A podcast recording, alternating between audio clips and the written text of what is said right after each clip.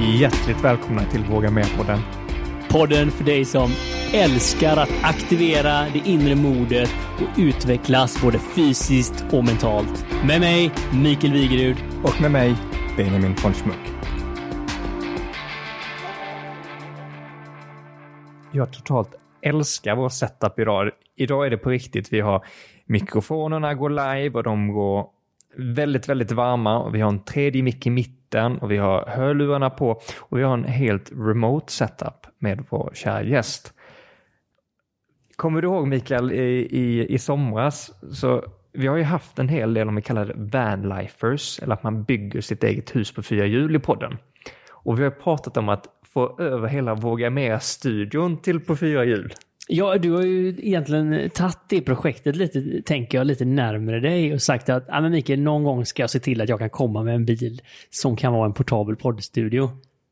Och den verkligheten är ju väldigt nära att, att liksom realiseras. Nu börjar det bli lite kallt utomhus, men försmaken för det här på fyra hjul, den fick vi smakat på i somras. Men inte med podden i.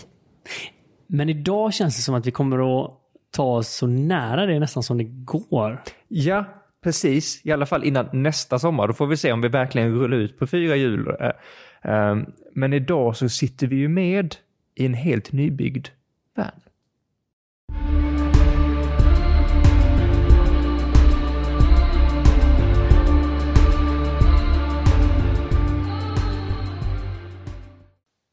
Ni som bor lite högre upp på kusten har kanske sett eh, den här killen florera i Stenungsundstidningen och eh, Bohuslänningen. Eh, vi fick in ett tips från Karin Fors att kolla den här intressanta killen. Är inte det någonting för Våga Mera-podden? Snabbt började searchen från Våga Mera-teamet och vi förstod att de senaste två veckorna så hade den här killen spenderat nästan all vaken tid i garaget i Rönning. Där han har byggt en skåpbil till ett hem. Att leva så kallat vanlife, resa runt i en ombyggd skåpbil, har växt enormt i sociala medier och allt fler lägger ut video från sina resor får väldigt mycket följare. När 30-åriga Rasmus satt i sitt hus på Körn kände han i somras att livet hade mer att ge. I augusti sa han upp sig från sitt jobb, sålde sitt hus och köpte en skåpbil. När vi fick tag i det här och började searcha så inser vi snabbt att vi är för sena. Han har redan hunnit att lämna Sverige. Attans. Attans! Men eh, vi vill till den här liveinspelningen varmt, varmt, varmt välkomna Rasmus Edström live någonstans från Europa med värnen in till Våga Mera-studion. Varmt välkommen, varmt välkommen. Tack så mycket. Och rätt varmt är det, va? Är det inte det nu inne i vanen? Jo, det är 24 grader och rätt så varmt och fuktigt. För 24 grader är det ju inte liksom eh, norrut höll jag på att säga. Var är du någonstans nu? Eh, Just nu är jag söder om Barcelona i Spanien. Eh, Jag har precis kommit till ett ställe som heter Setke. Jag glömmer alltid av namnet. Setke, var, var det inte Är där det det var? Sitges? Sitges heter det. ja, jag glömmer av det namnet. Så strax utanför Barcelona. Ja, precis. Så jag kom hit idag vid eh, 11-tiden. Och hur, har, du, har du då dönat ner liksom raka vägen till Spanien eller har du kört lite olika stopp? Eller hur, hur har det sett ut nu de här dagarna innan? Eh, I lördags så bokade jag en biljett med Stena Line från Göteborg till Kiel. Så jag var framme i Kiel eh, i måndags klockan nio på morgonen. Så satte jag mig i bilen och körde i 12 timmar, 100 mil, ner till franska gränsen vid Schweiz och Tyskland. Och sen dagen efter det så dönade jag ner 97 mil ner till strax ovanför Barcelona. Så det var... Det låter ju så jäkla nice det här. Och eh, inte för att vara sån, men som en person själv som gillar effektivitet kan jag tänka mig det. Det är bara att köra, sova, äta. Man behöver inte ens lämna bilen ju. Nej, precis. jag har ju allt jag behöver här. Så jag kan ju laga. Jag måste fråga dig då. På, på färjan, sov du bilen då eller var det liksom sov, sov vi på rum i färja? Eller det är ju för sig, det är väl bara några timmar kanske? Nej, det var 14 timmar var det över natten. Eh, så man får inte vara nere på bildäck eh, när båten går. Så Mm. jag tog in på ett rum där gjorde jag faktiskt. Så första natten jag någonsin hade den var nere vid i Frankrike. Okej. Är det, är det um, premiärnatten då? Eller var, har du liksom test, testat innan? Nej, det är premiärnatten. Jag hade inte testat sängen överhuvudtaget innan. Det är ju sjukt modigt alltså. Men när stack du från Sverige? I eh, söndags eftermiddag klockan sex. Okej, så vi är, vi är så jäkla i början av det här, eh, den här resan som du har framför dig. Ja, precis. Väldigt i början. Men så fräckt ändå, så, så ringer vi in och så har vi dig sittandes i eh, vanen nu och vi ser ju dig för vi har ringt upp med video. Och att du redan har tagit dig till Spanien och i morse när jag tittade ut så sa jag hur gott det var i Sverige så att jag kan ju avundas de här palmerna som är precis utanför fönstret. Ja. Ja, det är jättehärligt. Jag har varit ute och gått idag på stranden och har eh, gått ihop eh, 14 000 steg utan att tänka på det. Det är så härligt att bara vara, bara vara ute och känna värmen. För, för vad är liksom planen nu lite grann? Har du precis lämnat Sverige och har kommit hela vägen ner till Spanien på bara två ben så att säga. Två sträckor. Eh, ska du vara i Spanien nu ett tag eller hur liksom, ta med oss lite grann på den här starten på äventyret. Eh, det var så jag stannade på en, vad ska jag säga, en gård i en stad, en inhägnad gård. Så var jag där i två nätter och skulle möta upp eh, Rebecka och Martin. Och eh, ja, så de skulle ta färja då från Sardinien tror jag det heter. Eh, sen skulle de möta upp en vän. Så idag spontant så parkerade de framför min bil. Eh, så eh, vi möttes. Vadå utan att, att ni har planerat det? Ja, så deras bil är alldeles framför mig just nu. Så vi ska ut och äta efter den här podden. Det är bra, då kommer du vara hungrig också. Ja, verkligen. Ja, och det här är några kompisar från eh, hemifrån. Nej, jag har kollat på deras Youtube-kanal. Eh, Rebecka heter hon. Och så när jag byggde min bil så tänkte jag chansa på att skriva till hennes kille Martin då, för han byggde ju den. För ja, jag frågade han lite frågor och sånt och fick lite hjälp med vissa grejer. Eh, och sen skrev jag vi får väl mötas upp och fiska lite och sånt eh, någonstans i Spanien. Och nu har vi planerat att ev- eventuellt åka till Kanarierna vilken vecka som helst här. Så vi ska väl prata om det. Nice. jag. Alltså det är så häftigt och hur, hur saker kan falla samman. Ja, verkligen. Det låter ju så för mig konstigt bara vi tar bilen till Kanarieöarna. Ja, verkligen. Eh, det var det jag kände lite också där att Kanarierna, där är ju ganska jämn värme året runt. Och så kollade jag upp färgerna. Enkeltur var ju ungefär 3200 kronor och så tar det 30 timmar då. Men jag har ju all tid i världen så det gör faktiskt ingenting. Det är en god känsla det där att känna att man har alltid i världen. Ja, jag känner mig Och- helt fri. Alltså, jag har ju nog släppt all stress faktiskt som har funnits runt om. Så det känns väldigt bra. Ja, men du har en väldigt eh, cool och skön aura runt omkring dig. Tack så mycket. Och det ser vi också på, på den här eh, RGB-belysningen som blir så blått i bakgrunden också. Det, det bidrar. Ja, nej, men det, man måste ju ha lite mysljus. En riktig stämningssättare. Jag, jag tänkte, eh, vi cirklar tillbaka lite grann till det här. Nu, nu, nu är vi strax utanför Barcelona. Sitges va? Ja, alltså Sitges, jag, jag, jag kan inte riktigt sluta skratta åt detta så, för jag har ju varit på... eh, Jag har varit på träningsläger i Sitges en gång med IFK Björke. Vi var typ 25 gubbar som åkte Goa dit och gubbar. skulle träna fotboll. Helt ovetande om att det här typ är Europas eh, gaymecka. ja men det här är väl, eh, jag tror vi var där 2008, 2009 någon gång. Ja. Är det så fortfarande? Håller eh, Sitges sin metropolstatus? Alltså jag var ju ute och gick förut och jag märkte att jag fick ganska mycket blickar. Och sen eh, så skulle jag ner för en trappa så är det två stycken som går och håller i handen och jag tänker ja, det är väl inget konstigt så. Senare möter jag några till och så blev det ganska uppenbart att det här var nog det var något speciellt med den här staden. Skilde det sig från Rönning? Alla dagar i veckan. Ja, ja, men, men jag, jag kan tänka mig själv då, som eh, jag ser det på bild här. God skäggstubbe och liksom lång och så här väl ansad. Eh, Absolut. Ja, det, mm. Du får nog låsa vännen eh, ordentligt i natt va? Det kommer jag att göra. Nej, men det, är- det är ju häftigt faktiskt, det får man väl ändå säga. att eh, Det kanske är en förebild, Sitges, på många sätt. Hur, det inte ska vara så jävla big deal. Vad man, vem man vill vara, hålla i handen liksom.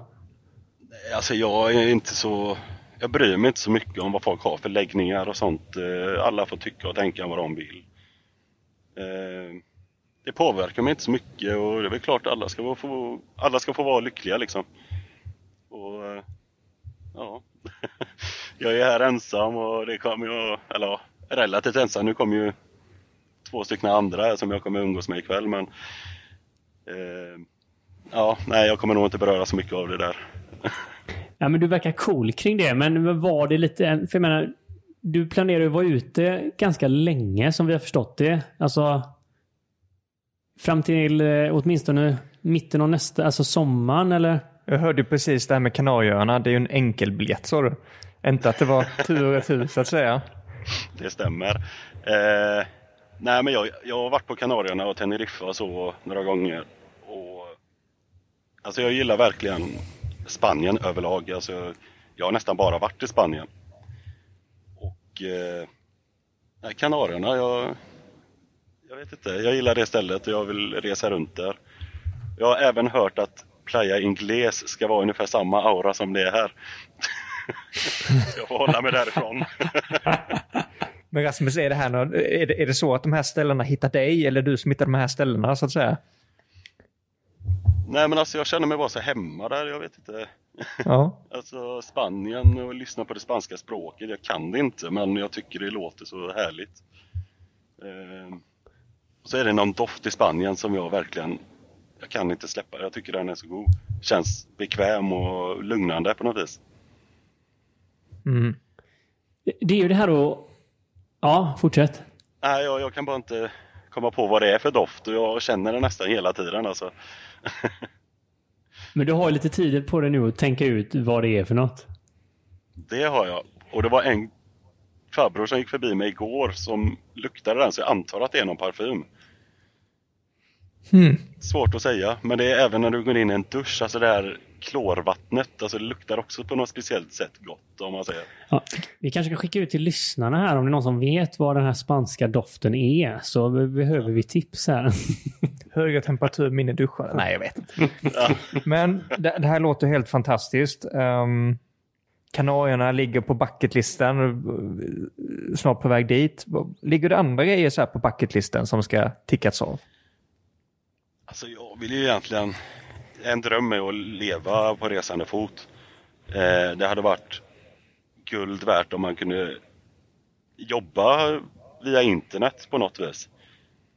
Eh, och bucketlist att åka till, alltså egentligen är det väl Italien, Spanien, Kroatien, Grekland, alltså det är väl alla de här södra Europa eh, där det finns palmer kan man väl egentligen säga.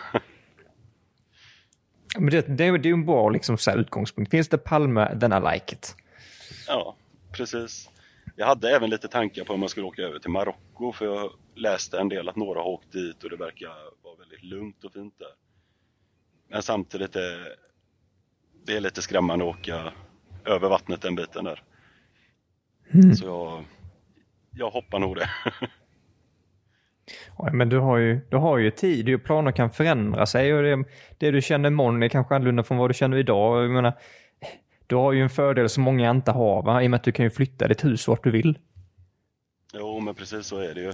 Det var ju samma eh, igår, så gick jag runt halva dagen och funderade på om jag skulle åka eller inte. Och när jag vaknade i morse klockan halv sju så kände jag, nej idag åker jag. Men det tog väl fyra timmar innan jag kunde åka för eh, receptionisten, han, eh, han var inte där. Jag kunde inte betala min plats. det, låter, det låter som Spanien faktiskt. Det är gott att det har blivit lite utmaningar redan.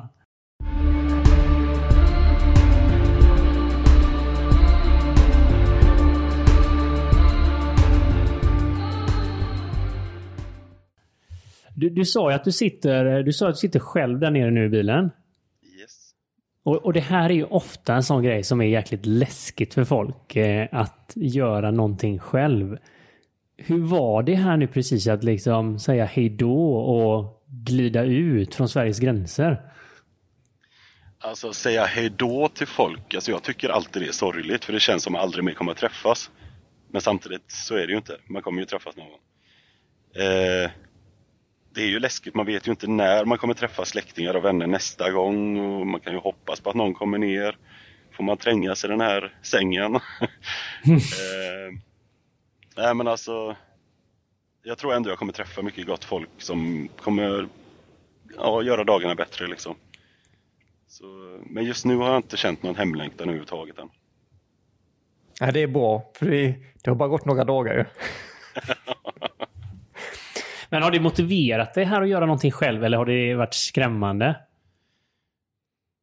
Nej men alltså, det är en ganska lång bakgrund, eh, eller en lång historia kan man väl säga, som fick mig att vilja... För det första, jag har alltid velat bo i Spanien. Men att göra det i en bil, det... Ja, vad ska jag säga? Det, blev, det kändes som den simplaste vägen för att kunna ha ett så billigt hem som möjligt. Och jag hade, om jag ska gå in på det, ett hus då som eh, jag, jag ägde det i tre år, tre och ett halvt nästan. Eh, jag satt ju hemma eh, sjukskriven i eh, två år för jag hade skadat knät. Och i den bubblan där som var sjukskriven så byggde jag upp en panikångest och ja, depression om man säger så. Och eh, då kände jag bara, nej jag ska, jag ska göra något med mitt liv istället för att jobba 7 till 4 och ja, göra det jag verkligen vill. Så det blev eh, det stora steget att börja ja, sälja av huset, sälja vattenskoter, ja, rubbet liksom. Så eh, ja, nu sitter jag ju här. Men om, det här tycker jag är så stort och jag vill att du tar med oss lite grann på detta för till synes, liksom till det yttre kan man tänka då Um, tre år sedan tillbaka, ganska ung, har köpt hus, har vattenskoter, roliga grejer. Um, Living the dream. Ja, men lite grann utifrån kan det se ut så ju. Och inombords kan vara en helt annan verklighet. Så när, när du väl liksom bestämde dig för att nej, det här är inte det jag vill göra, vill, vill du ta med oss lite grann innan det och sen så efter? Alltså, det jag märkte där när jag började få ångest och må dåligt så var det liksom man kände sig inte sedd, man kände sig inte hörd. Även om man pratar med folk, så, folk som aldrig haft ångest eller panikångest överlag, de vet ju inte vad det handlar om. Så de tänker, äh, tänk på annat bara, det löser sig. Men så är det liksom inte. För i min hjärna så har det varit liksom att jag inte sett något roligt överhuvudtaget. Så jag gjorde ju allt, alltså jag har verkligen kämpat med att försöka hitta den glädjen jag, och motivationen som jag alltid velat ha. Eller som jag har haft innan liksom för att resa och sånt. Och, nej men så kände jag bara att nu gör jag något. Alltså jag har inte haft hus länge. Det var underbart att bo i huset, det var jättefint. Men jag var tvungen bara. Jag, först tänkte jag att jag skulle fly mina problem men sen blev det lite en motivation och en taggning till det. Så det Ja, det är så svår känsla och jag vet inte riktigt vad som för sig i mitt huvud faktiskt. Nej, men det är inte alltid så lätt och framförallt inte när man är så mitt uppe i hela processen som du är just nu. Det, det är inte den eh, schysstaste frågeställningen där, men, men du är ändå, det är intressant det du säger. Så här, jag visste inte riktigt om jag flyr från mina problem eller om jag, jag hörde säga, rör mig mot någonting som är mycket bättre för mig. Ja, nej men alltså samtidigt där med ångesten och sånt. Jag var ju, jag kunde ju få panikångest av att umgås med vänner för jag kände mig så inlåst. Och jag gick till jobbet och jag höll på att nästan svimma och jag blev så himla, alltså jag blev väldigt dålig. Visste inte vad jag skulle ta vägen och nu direkt när jag åkte av färjan så kände jag bara det släppte alltihop. Och det känns, jag känner mig alltså så lätt, alltså det känns så skönt på något vis. Jag har världen framför mig liksom. Det är bara att åka och och se hur smilet förändrades nu liksom på en, en minut. Liksom från att vara lite hängande läppar till att gå hela vägen upp till öronen. Ja, ja jag blir helt... Uh, ja, jag får en så konstig känsla inombords. Vi, alltså, jag vet inte vad jag ska göra imorgon. Det är så underbart. Ja, men det, det, det låter som det. Och det får mig tänka lite grann på de här stora frågorna också som var meningen med livet. Och det kanske inte alltid är är meningen med livet att känna att man slavar eller 8 till 5 eller vad det nu kan vara. Ehm, den här friheten som du sitter just nu, Rasmus, det här med att du vet inte vad som händer imorgon, om en månad, det är liksom väldigt långt fram. Hur känns det? Det, det, det är så avslappnande för att alltså inte ens tank, jag, jag vet inte, det går inte att förklara. Det, det är som lätt känsla bara att veta att äh, vill jag åka någonstans och bo där ett par dagar, då kan jag göra det. Alltså det jag, jag kommer inte ens på det, för jag finner inga ord för det. Det är så härligt att veta att man är helt fri. Vad gjorde du innan när du jobbade? Jag jobbade med betongväggar. Eh, det är en firma som göt betongväggar, så jag gick runt och eh, fixade lite med väggar som hade fått någon skada när de avformades och så. Så det var väl min uppgift. Jag vet inte riktigt hur jag ska förklara det. Jag hade ganska många moment, eh, gjorde lite av varje. Jobbar du då, är du uppvuxen i Rönning också? Jag är uppvuxen i Fagerfjäll och eh, Rönnäng kan man väl säga. Nu kom eh, Martin och Rebecka här. det är helt underbart. Vi såg att du vinkade lite här till någon ja, på utsidan. ja, det är så härligt att man har träffat någon man kan prata med utan att, alltså svenska liksom.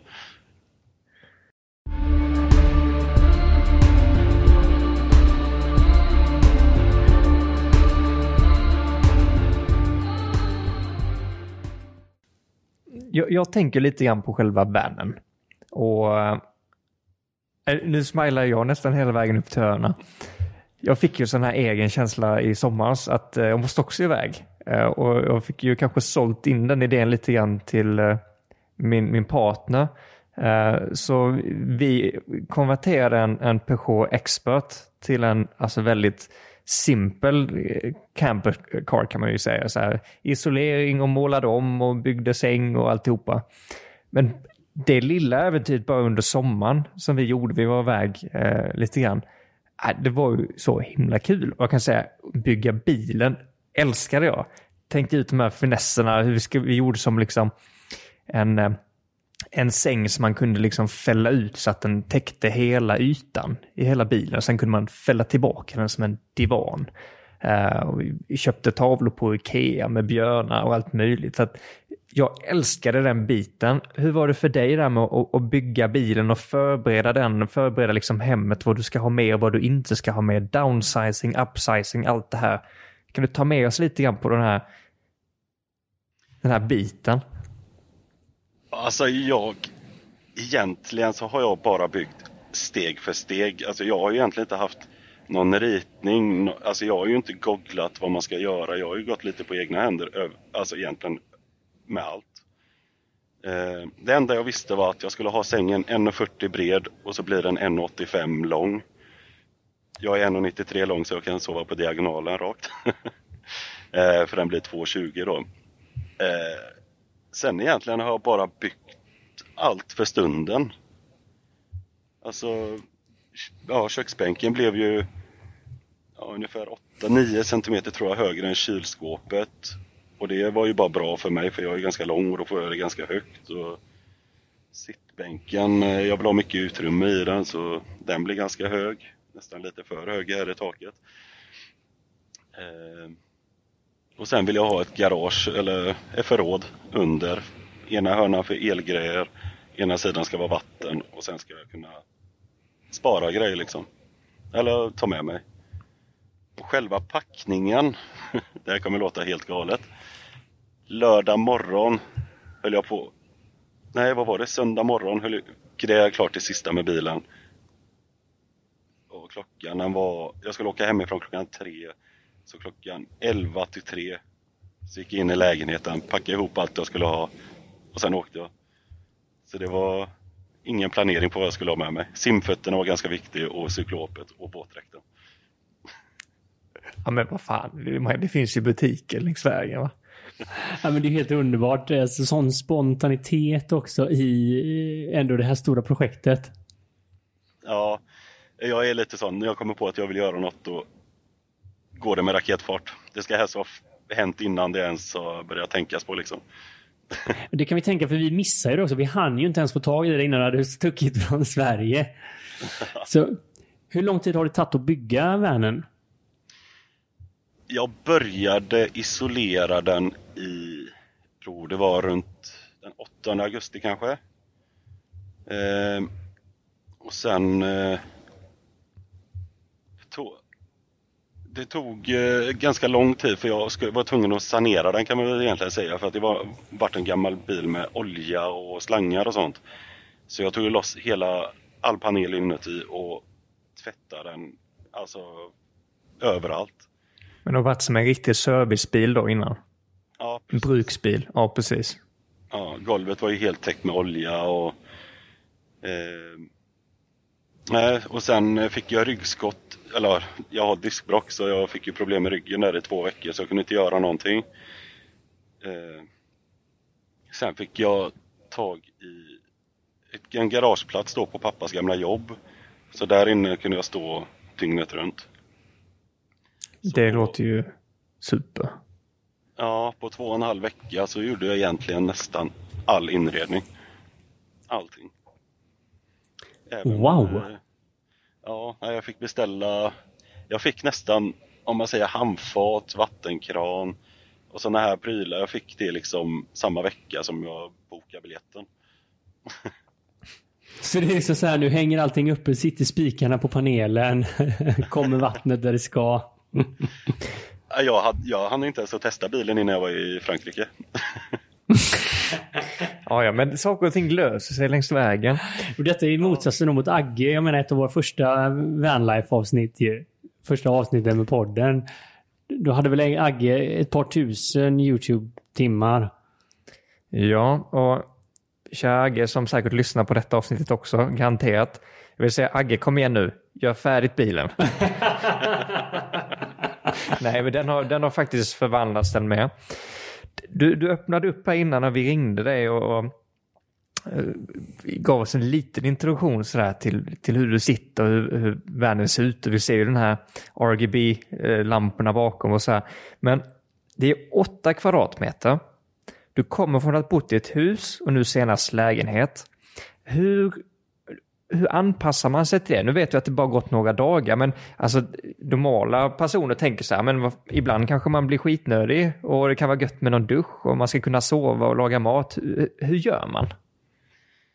Uh, ja, alltså huset jag hade det var ju 90 kvadrat ungefär. Nybyggt, jättefräscht. Ja, hade allt, kamin och ja, hela rubbet liksom. Men jag hade för mycket döyta. Eh, jag hade ett helt rum som bara stod och ja. Nej men så flyttade jag in i lägenheten och lägenheten var liksom tv-rum, säng och kök i ett rum. Och sen var ju duschrum, äh, där jag hade duschen var ju större än hela allt annat. Så eh, jag använde liksom bara sängen. jag lyxade till det ganska mycket och käkade ute varje dag. Eller så fick eh, morsan bjuda på mat. Jag bodde i hennes källare, det är en lägenhet där liksom. Så jag vet inte, jag använde inte så mycket där så jag började anpassa mig redan då kan jag tänka mig. Eller det känns så i alla fall. Sen... Men du liksom mentalt började redan förbereda dig på att det, ja, det, det, blir inga 20 kvadrat utan det blir hälften?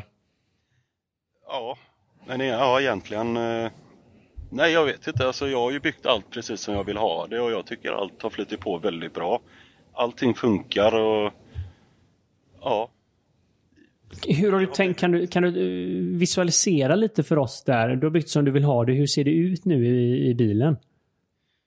Eh, jag kan väl börja, om man säger om man går in då i bilen så först har jag ju kylskåpet. Eh, det är 110 liters kylskåp utan frys. Och sen efter det så kommer ju diskhon och under är det en lucka med avfallshink, eller vad ska man säga, tunna. och så innanför den till vänster i hörnet då så blir det stekpannor och lite påsar och folie och sånt. Så det är liksom byggt som en liten köksyta då som står uppåt mot eh, där man egentligen har försätet va?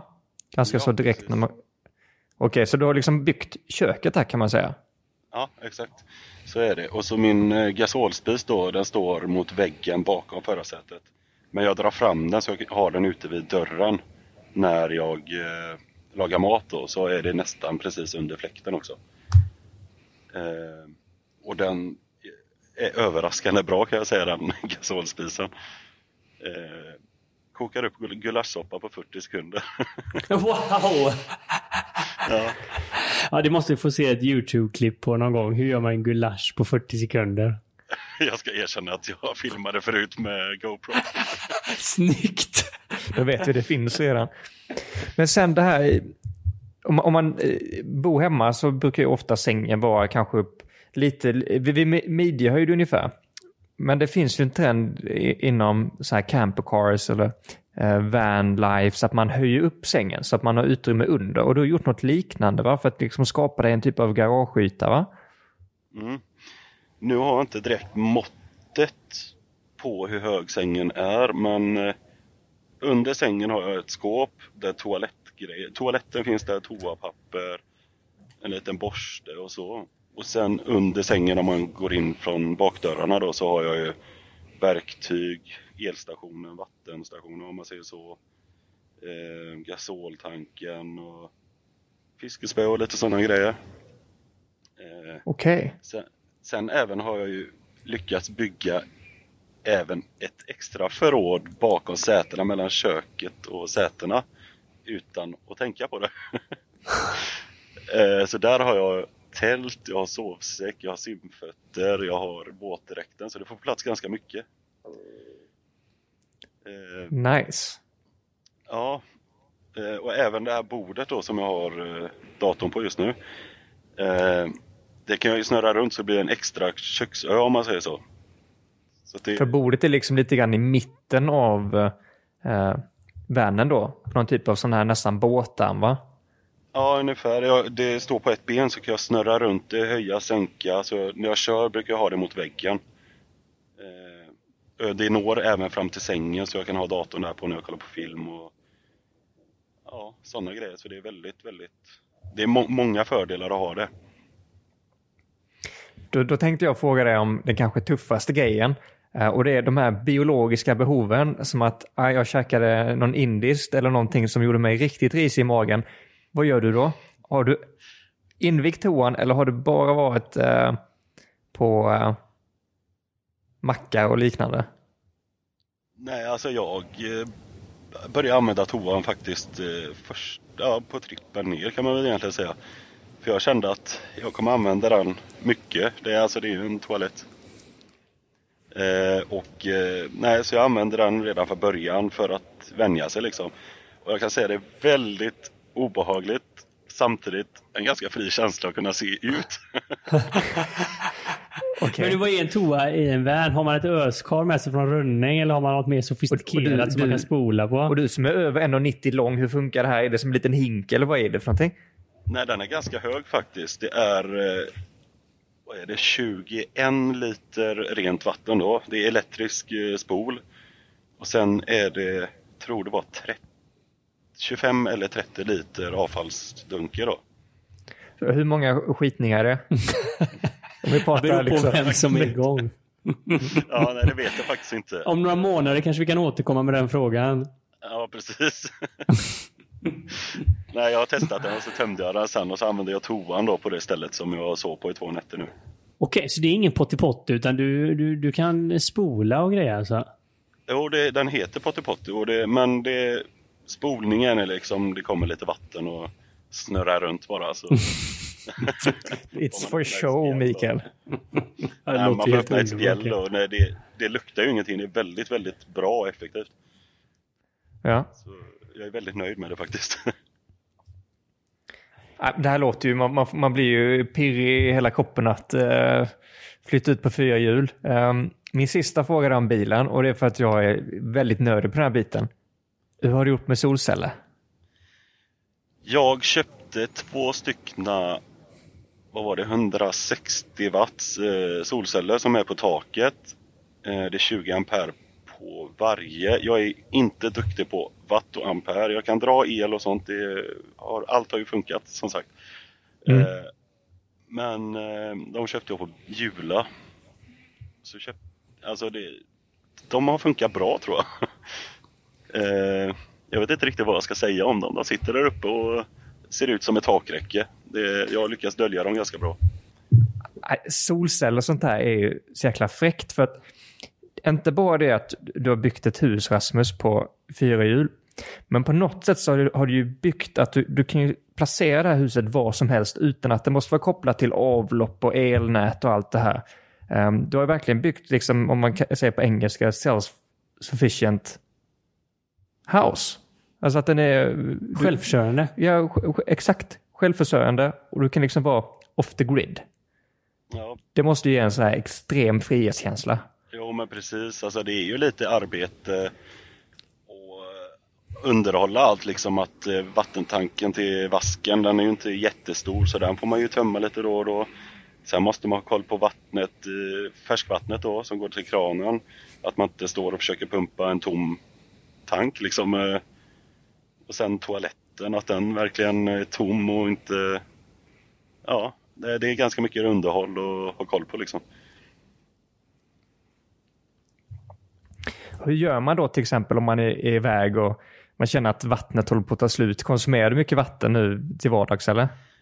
Eh, jag har ju bara varit på ett ställe där jag kunnat fylla på hela tiden men jag testade lite och använda lite disk och sånt och se hur mycket vatten jag gör av med.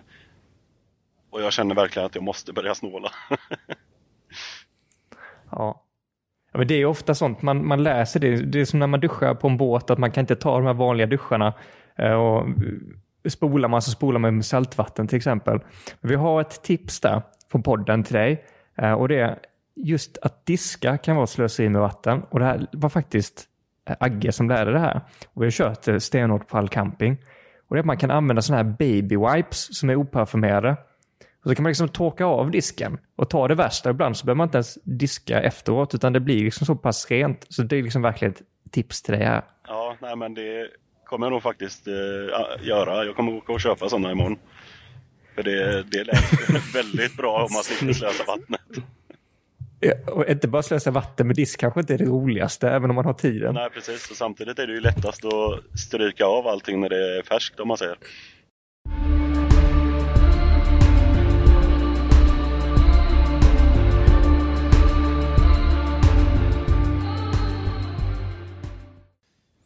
Jag hör ju det att ni snackar om frihet och på fyra hjul och allting, men samtidigt här Rasmus så inte alls långt därifrån så pratade vi ett hus vid havet, en vattenskoter att gå ner till. Det på något sätt känns ju som att majoriteten av landet kanske strävar efter, alltså inklusive mig själv har varit i den längtan att om jag löser det, då jäkla blir det bra. Hur, hur fasen har vi hamnat helt på andra sidan här eh, för dig? Men då kan, ska man inte köpa lycka eller har jag missförstått? Nej, jag kom ju på det, så jag sökte ju lycka genom att köra vattenskoter för jag vet att jag älskar att göra det. det Men jag fick aldrig den glädjen liksom. Jag körde liksom 50 timmar på en säsong och normalt är det 20 timmar. Och när jag körde, jag kunde skratta och så men jag kom aldrig liksom till den glädjen att jag var lycklig en dag om man säger. Jag var lycklig i tre sekunder och sen var det Ja, nej jag kände Det blev mer och mer bara prylar ger inte glädje. Erfarenhet och se, alltså och se världen. Det är glädje för mig i alla fall. Ja, men så där bestämde du, jag ska justera om. Det här är inte autentisk glädje för mig, trots att eh, jag trodde det innan. Ja, nej precis. Eh, jag hade ju som sagt ett jättefint hus nybyggt och alla prylar man behöver, kamin och hela rubbet. Och huset var, jag trivdes bra i huset. Men jag kände mig låst. Jag kände mig fast. Jag ville ut i världen men det, det var liksom, jag hade ett hus som skulle tas hand om och jag var själv och ekonomin och kunna spara. Kostnader och alltihopa. Ja, precis. Men tänkte du inte där bara, men herregud, jag måste väl bara skaffa en fru då, eh, som, som alla andra, och så blir det bra? Ja, och, och Volvo. Och, och Vove, va? Ja, Volvo hade jag. eh, det har jag fortfarande. Kolla! eh, men jag kände lite så här att jag ville inte riktigt träffa någon innan jag själv mådde bra. Och just nu skulle man väl kunna säga att jag skulle kunna tänka mig att träffa någon för nu känner jag att jag är glad men samtidigt hade jag inte vågat bara flyga in i det nu heller för att jag vill känna en längre period av glädje. Innan, och att jag är bekväm med mig själv och ja, lite frihet, att man inte är rädd för att vara själv till exempel. Och, ja. Jag tycker det är, är, så stort av dig att säga det och modigt att säga det. För att den första instinkten kanske för en person som inte, om man inte känner att man har lyckan, det är att man försöker få någon annan att ge en lyckan. Att man liksom belastar någon annan på det. Men här säger du tvärtom, liksom att nej, nu behöver jag vara lite själv. Jag behöver liksom, behöver lösa vissa grejer här och nu kör jag det här äventyret. Jag tycker det är skitstort faktiskt. Jo, nej men jag vill inte alltså tro att jag mår bra bara för att jag mår bra med någon annan. Då kanske man blir ännu mer förstörd om det inte skulle hålla liksom. Och jag vill vara så pass stark i mig själv att jag kan gå vidare om det inte skulle hålla ett förhållande liksom. Att jag inte gräver ner mig själv liksom. Och det är väldigt, ja, jag känner bara att det är väldigt viktigt att lära känna sig själv och vara bekväm i sig själv och sin vardag liksom. Och kunna ha kul själv. Och det är väl lite det som är en läxa för mig att vara ute så här att jag ska klara mig liksom, alltså på egen hand. Om man känner att man behöver göra någon förändring, Rasmus, vad det än må vara, vad är dina bästa tips för att eh, komma igång? Alltså nu var det väl lite att gå emot sin comfort zone. Alltså, det finns en Youtube-kanal som heter Yes Theory. Och de gör ju saker som är utanför ens comfort zone. Alltså, och det är väl lite motiverande att se allt de gör. De åker iväg själva till Afghanistan eller något land liksom och har en hundralapp i fickan och ska bara ja, våga göra saker de inte hade vågat annars. Och det är väl lite det jag känner här. Innan var jag rädd. Alltså jag, jag gick runt på strandpromenaden igår. Tänkte jag ska äta ute. Så gick jag förbi en restaurang liksom och nej, men jag kan inte sätta mig där själv. Det är jättejobbigt. Så tänkte jag, men jag kommer aldrig kunna sätta mig ut och äta om jag inte bara gör det. Så det var bara att gå och sätta sig liksom och när jag väl satte mig och fick maten då var det bara helt bekvämt. Så det tog emot väldigt mycket innan. Alltså man ska gå emot det som är jobbigt egentligen. Det tycker jag är viktigt. Så när man känner att, men shit, jag eh, kommer och känna mig uttittad och läskig och vad är det för dåre som sitter där och äter själv på restaurangen här. Det är bara romantiska bord och tända ljus. Då ska man gå dit. Ja, egentligen alltså. Det värsta som kan hända är att någon börjar prata med er och frågar ja, någonting överhuvudtaget liksom. Och jag... Eller det bästa. Ja, ja, ja men exakt. Det, det, är inget, det är inget dåligt att göra det. Eh, och Alltså det är otroligt mycket folk som har pratat med mig och jag är väldigt förvånad över hur mycket socialt folk det finns ute i världen egentligen. Men det, det är ju gärna så speciellt när man ger själv. Och jag tycker du beskrev så fint hela andan med Våga Mera. För att mycket av det här att ta steget, det börjar alltid inombords. Och det är ingen annan som kommer göra det eller ta det steget åt dig.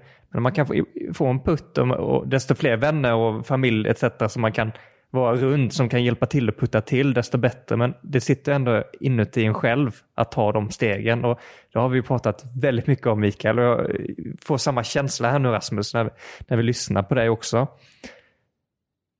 Mycket det här med att, att ta sådana här steg. Man kan ju göra massvis med sådana här, om man kallar det hjärnspöken. Att ja, men det finns för mycket risk eller tänk om mina pengar tar slut eller ditt eller datt kan hända. Och mycket handlar ju ofta om pengar. Man tänker så här, eh, ja men om jag inte jobbar så eh, kommer jag inte ha pension när jag är 80. Ja, det vill, har vi kanske inte ändå. Va?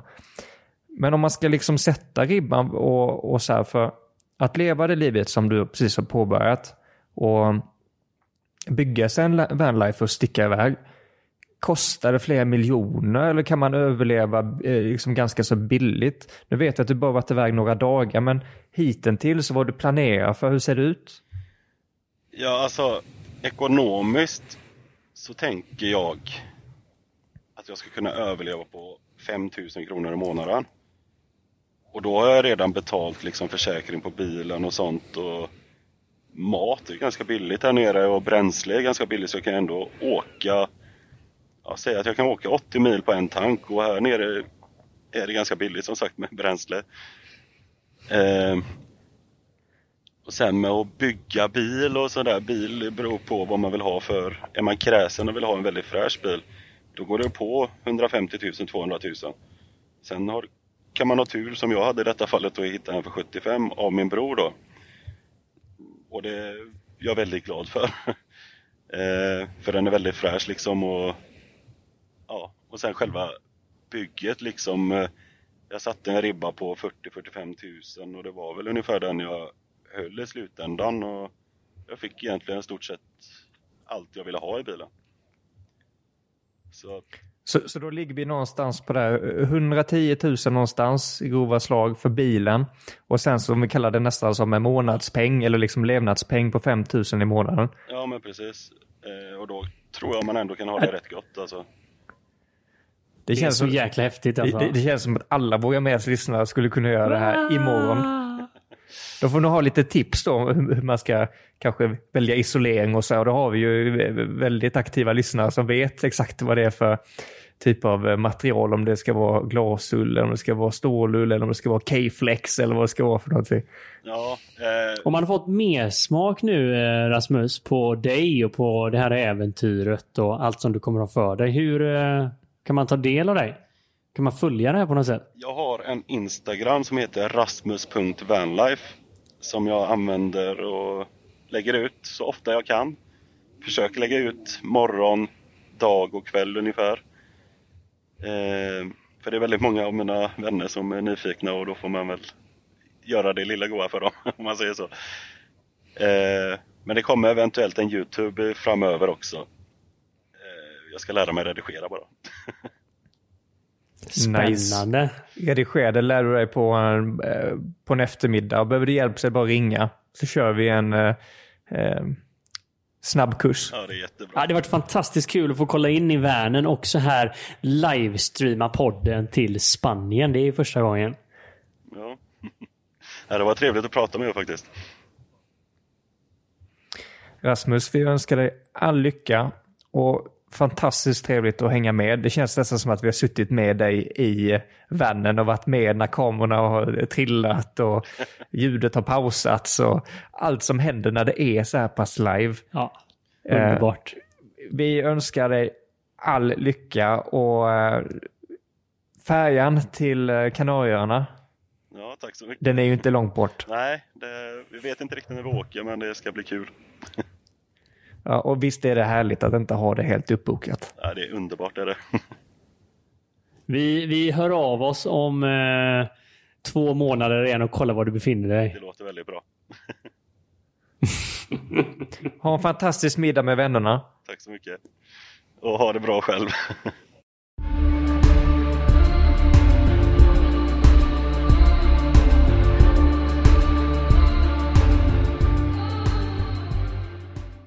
Du har precis lyssnat på Våga Mer-podden. Med mig, Benjamin. Och med mig, Mikael. Vill du höra mer av oss så måste ni ju såklart prenumerera på podden. Och det gör ni genom att ni klickar i den här klockikonen där poddar finns. Det brukar vara som en, en liten, liten, liten ikon. Så se till att ni hittar den så är ni med nästa avsnitt och nästa igen och nästa igen och nästa igen och ni är alltid uppdaterade. Och är det en sak som vi verkligen tycker om i Våga Mera-podden så är det ju att vi tillsammans engagerar oss. Så in på våra sociala kanaler, kommentera, dela och inspirera varandra. Ha en magisk vecka till nästa gång så syns vi snart igen.